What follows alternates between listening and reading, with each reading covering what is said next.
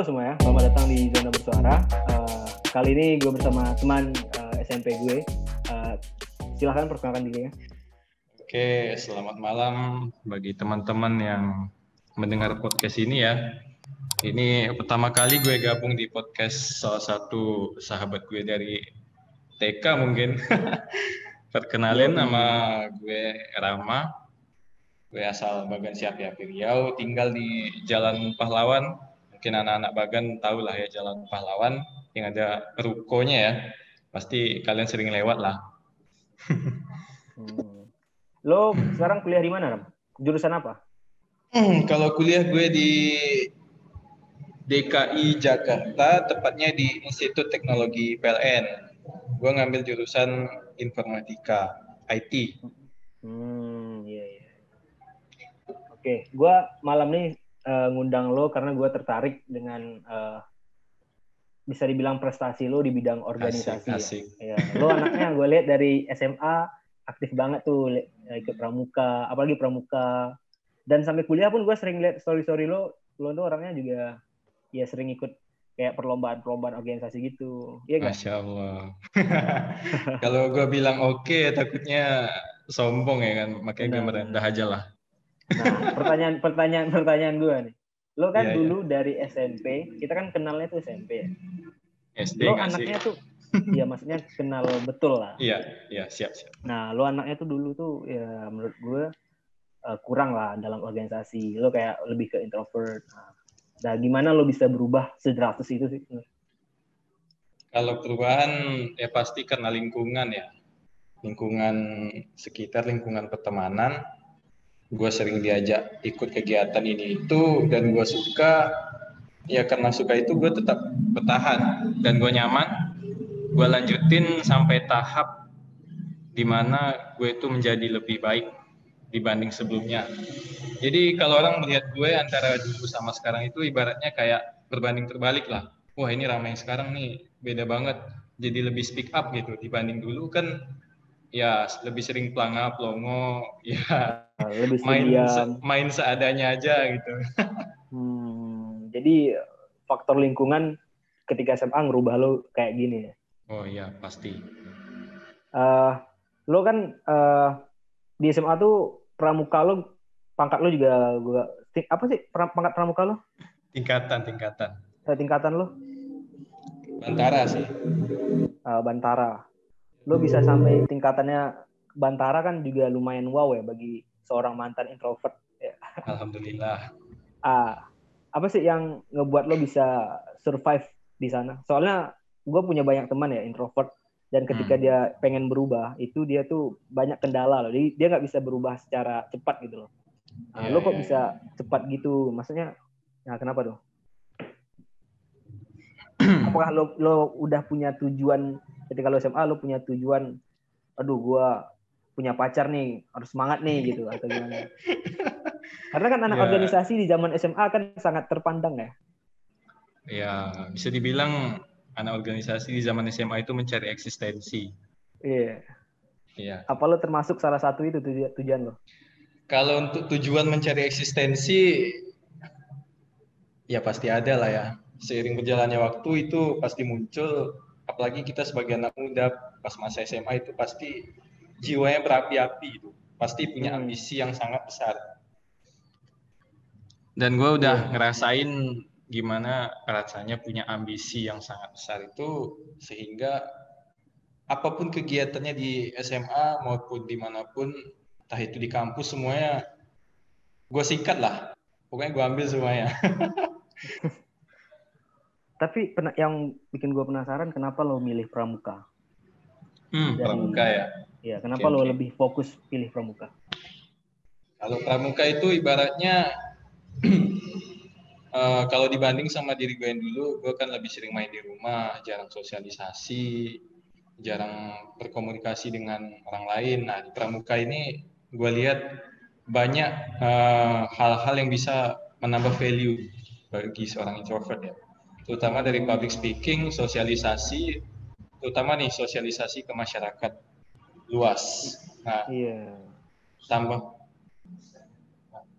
tambah lagi dengan kita belajar bagaimana caranya menyayangi alam kita apa bagaimana cara kita survive apabila kita dilepas maupun di mana pun itu ya itu bisa menjadi modal yang sangat bagus bagi seorang anak muda apalagi bagi gue itu bermanfaat banget hmm iya, iya.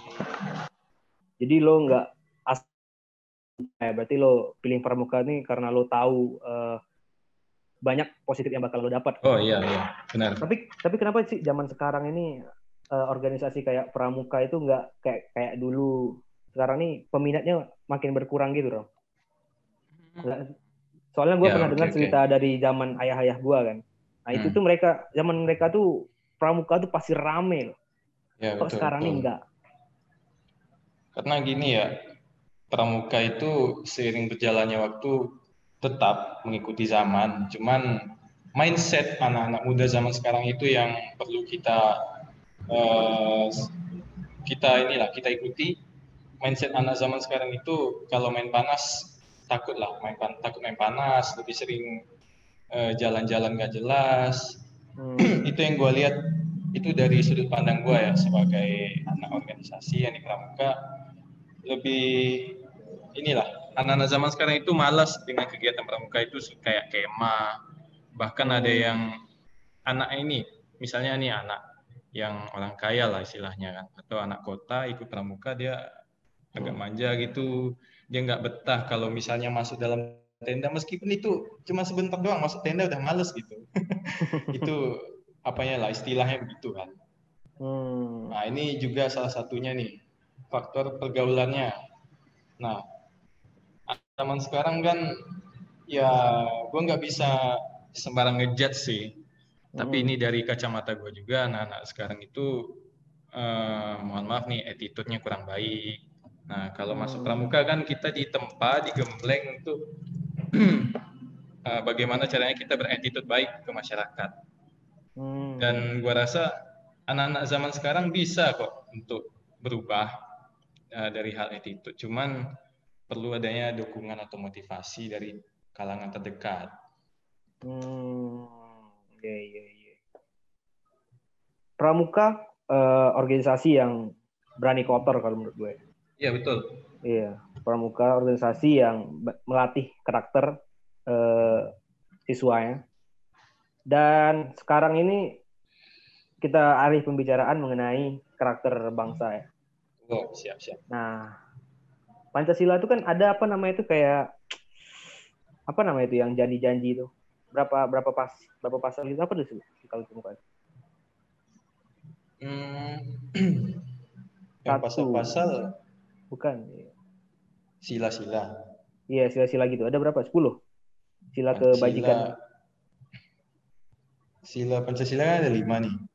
Iya, bukan bukan Pancasila, dia ada tuh kayak yang pramukanya gitu. Oh, Dasa Dharma Pramuka. Ah, Dasa Dharma Pramuka. itu berapa itu? Ada sepuluh sepuluh. Ada sepuluh kan?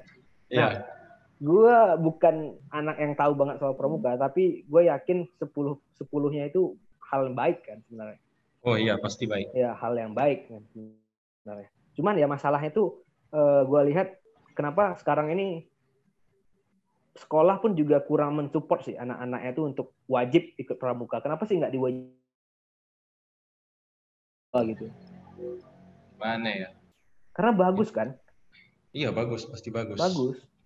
Kenapa sih nggak? Itu yang pertanyaan sering uh, di benak gue nih. Hmm. Gue aja merasa uh, kecewa sih kenapa gue nggak ikut pramuka. Setelah gue tahu anak pramuka itu sebenarnya asik ya sebenarnya. Oh ya asik dong. Ya, belajar mandiri, belajar bergaul, belajar eh, taat aturan, berkarakter. Cuman kenapa sih pemerintah kita ini nggak ada mewajibkan gitu? Kalau untuk mewajibkan itu sudah ada wacanya wacananya ya di kurikulum 2013 dan itu udah pernah dilaksanain di SMA gue dulu ya di SMA 1 dan itu hasilnya dibilang memuaskan enggak juga dibilang mengecewakan enggak juga sih. Cuman peminat dari sekolah itu tidak mendukung. Hmm. Nah, setelah di, dihapuskannya wajib pramuka itu ya peminatnya cuma sedikit. karena ba banyak mindset nih kalau anak pramuka itu ya isinya anak-anak kampung, anak-anak yang uh, yeah, bukan benar, benar. kalangan bukan kalangan anak-anak menengah ke atas lah. Isinya ya hmm. ya gitu pasti banyak mindset begitu dan tidak menutup kemungkinan nih pihak-pihak sekolah bahkan kepala sekolah juga memiliki mindset seperti itu nih pramuka nggak bergengsi nih mending kita bangun hmm. dari segi akademik atau olahraga padahal di pramuka inilah membentuk karakter yang bagus untuk anak-anak bangsa ke depannya. Itu guys. Hmm, iya benar-benar. iya sih. Bagus. Tapi itu dari sudut pandang gua ya gitu. Iya, nggak apa-apa. Uh, selanjutnya uh, gua pengen next ke topik tentang perkuliahan lo. Seberapa besar sih uh, efek lo aktif sebagai anak organisasi di waktu SMA, lalu lo terjun ke dunia perkuliahan? Seberapa membantu? apa yang gue jalani di masa SMA, aktif organisasi, aktif membangun relasi itu sangat membantu sekali di saat gue merantau ke ibu kota. Sangat membantu sekali, terutama di uh, komunikasi dengan masyarakat baru. Gue nggak canggung, gue nggak takut lagi untuk berkomunikasi, dan gue bisa dengan sangat mudah mencari teman baru. Gitu. Dengan uh, dan di pramuka itu kan juga diajarkan bagaimana cara beradaptasi dengan semboyannya kan tunas kelapa di mana-mana bisa tumbuh. Nah, hmm, yeah. itulah prinsip yang gua pegang. Kita harus jadi kelapa, kita bisa tumbuh di mana-mana, kita berguna. Nah, itu yang semuanya itu berguna bagian kelapa itu kan. Iya, itulah semboyan dari anak pramuka. Hmm, bener sih. Dari dari lambangnya aja udah memperlihatkan bahwa sebenarnya pramuka ini nggak main-main, cuy. Iya betul. Kalau kita sangat mengikut, kalau kita mengikuti dengan serius, itu maknanya nggak main-main. Makna dari baju, lambang dan segala atribut yang berbau kepramukaan itu punya makna. Kalau iya. kita sangat menjiwainya gitu. Iya, jadi uh, dari dari pengalaman lo ikut organisasi seperti pramuka di SMA itu sangat membantu lo di perkuliahan ya berarti. Oh iya, membantu sekali. Tapi gue masih bingung nih. Uh, gue ya. sering ada ada baca-baca juga kadang-kadang tentang pramuka ya masih ada masalah di anak-anak pramukanya seperti kayak perpeloncoan yang masih kekerasan ada ah, iya iya nah, ya, itu ada, pandangan ada. lu gimana tuh wah itu kalau menurut gue itu udah keluar dari yang namanya dasar dharma pramuka tadi yang gue bilang kan hmm. di dasar dharma itu udah diajarkan banyak hal-hal baik itu dari ketakwaan kita kepada Tuhan bagaimana caranya kita berhadapan dengan orang masyarakat maupun adik-adik kita. Nah itu udah menyimpang banget. Bahkan TNI yang sekelas TNI, polisi aja nggak pernah ngelakuin siswa-siswanya kayak gitu perpeloncoan. Contohnya kayak nih, makan nasinya, nasinya di tanah loh, di, dibuang di iya, tanah nasinya itu kita makan langsung. Kan gimana ya? Iya. itu udah nggak masuk akal banget. Masa iya manusia diperlakukan kayak hewan gitu. Wow. Itu udah gimana ya? Udah melanggar nilai etik dari pramuka itu sendiri. Dan menurut gue mereka tidak pantas menggunakan atribut pramuka itu. Hmm, kalau dari pandangan lo, uh, kenapa sih mereka bisa menyalahgunain? Hmm. Nah, penyakitnya masyarakat Indonesia ini, nah terutama di pramuka nih, uh, ataupun di mana pun lah yang menggunakan sistem perpeloncoan, marah-marah ke adik-adiknya, balas dendam.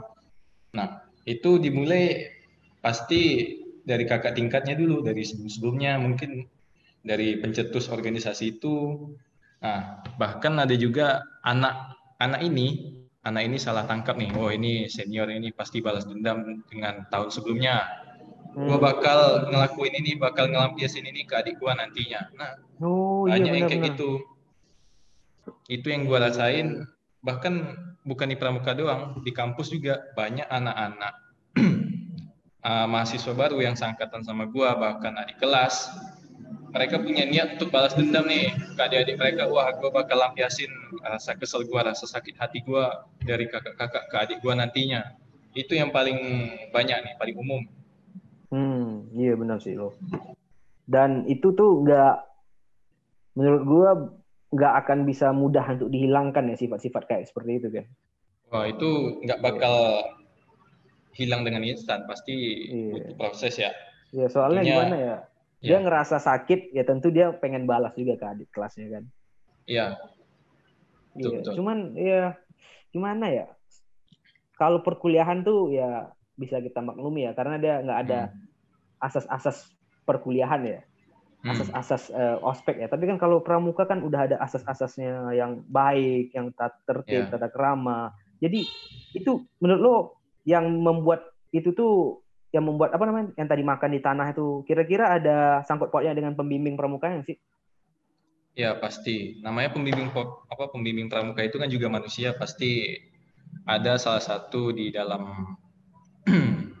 eh, karakternya ada niat untuk balas dendam ataupun eh, memahami nilai kedisiplinan itu terlalu over.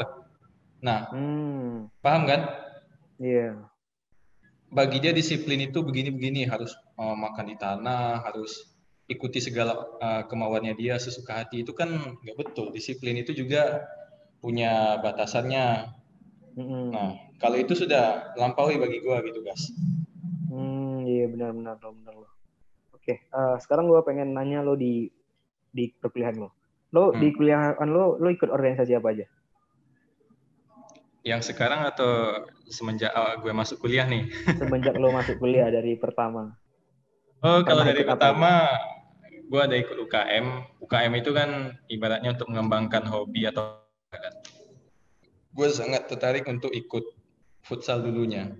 Hmm, Futsal, gue ikut taekwondo, gue ikut segala macam pelatihan lah. Maklum maba kan pasti ada pelatihan-pelatihan gitulah. iya. Itu semuanya gue ikutin.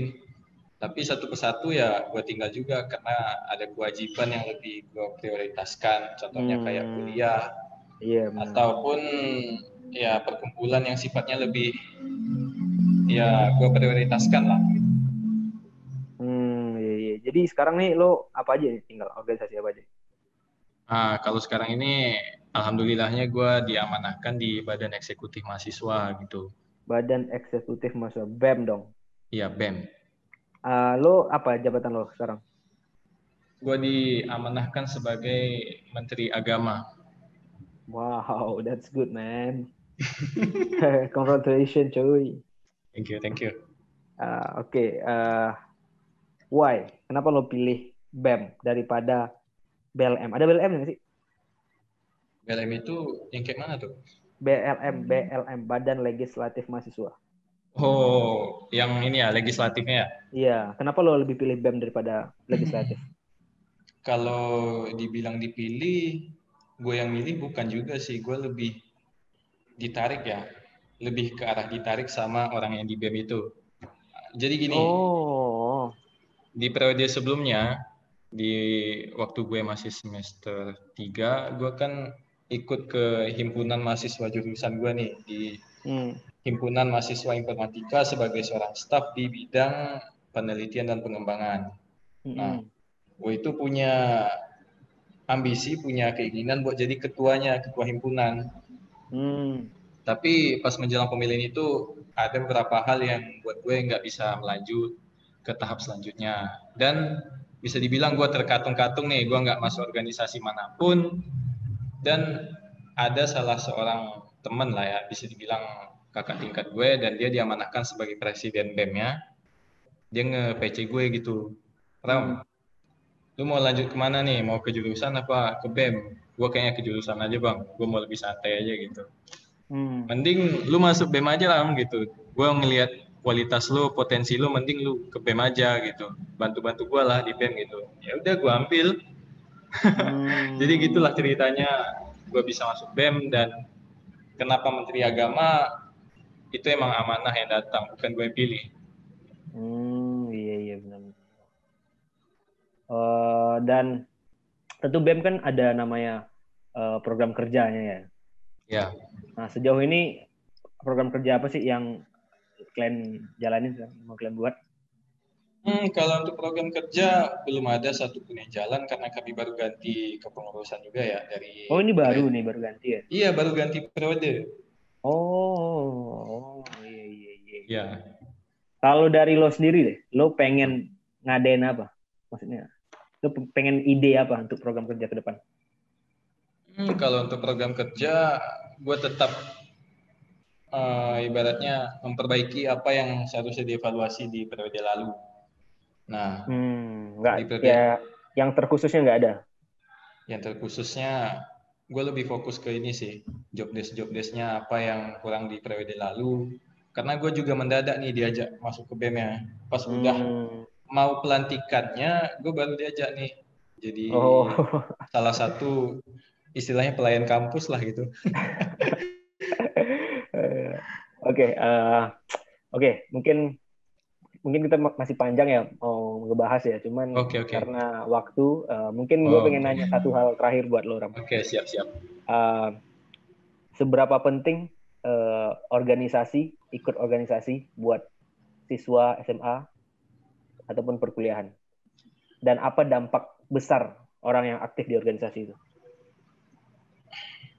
Kalau seberapa penting ya, kalau bagi gue itu it's very important, sangat penting sekali, terutama untuk pembentukan karakter yang nantinya kita sebagai generasi muda, anak muda yang akan uh, membawa negara ini. Hmm. Bisa dibilang kita generasi milenial ya kan, itu sangat penting.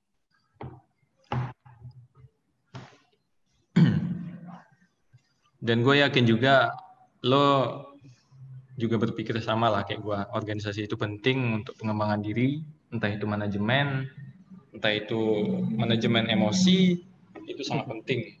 Iya benar loh. Dan itu juga membangun mental. Karena di organisasi kita pasti akan ada yang namanya konflik masalah. Hmm, entah itu kita dimarah-marahin dimaki-maki itulah yang membentuk mental kita jadi pribadi yang baik dan itu gue yakin bakal siap nantinya setelah lulus kuliah mau masuk kerja itu ilmu organisasi pasti dibutuhin banget. Tidak hanya mengandalkan kemampuan akademik. Yo asik kan ya. nggak tuh? Sepakat nggak tuh?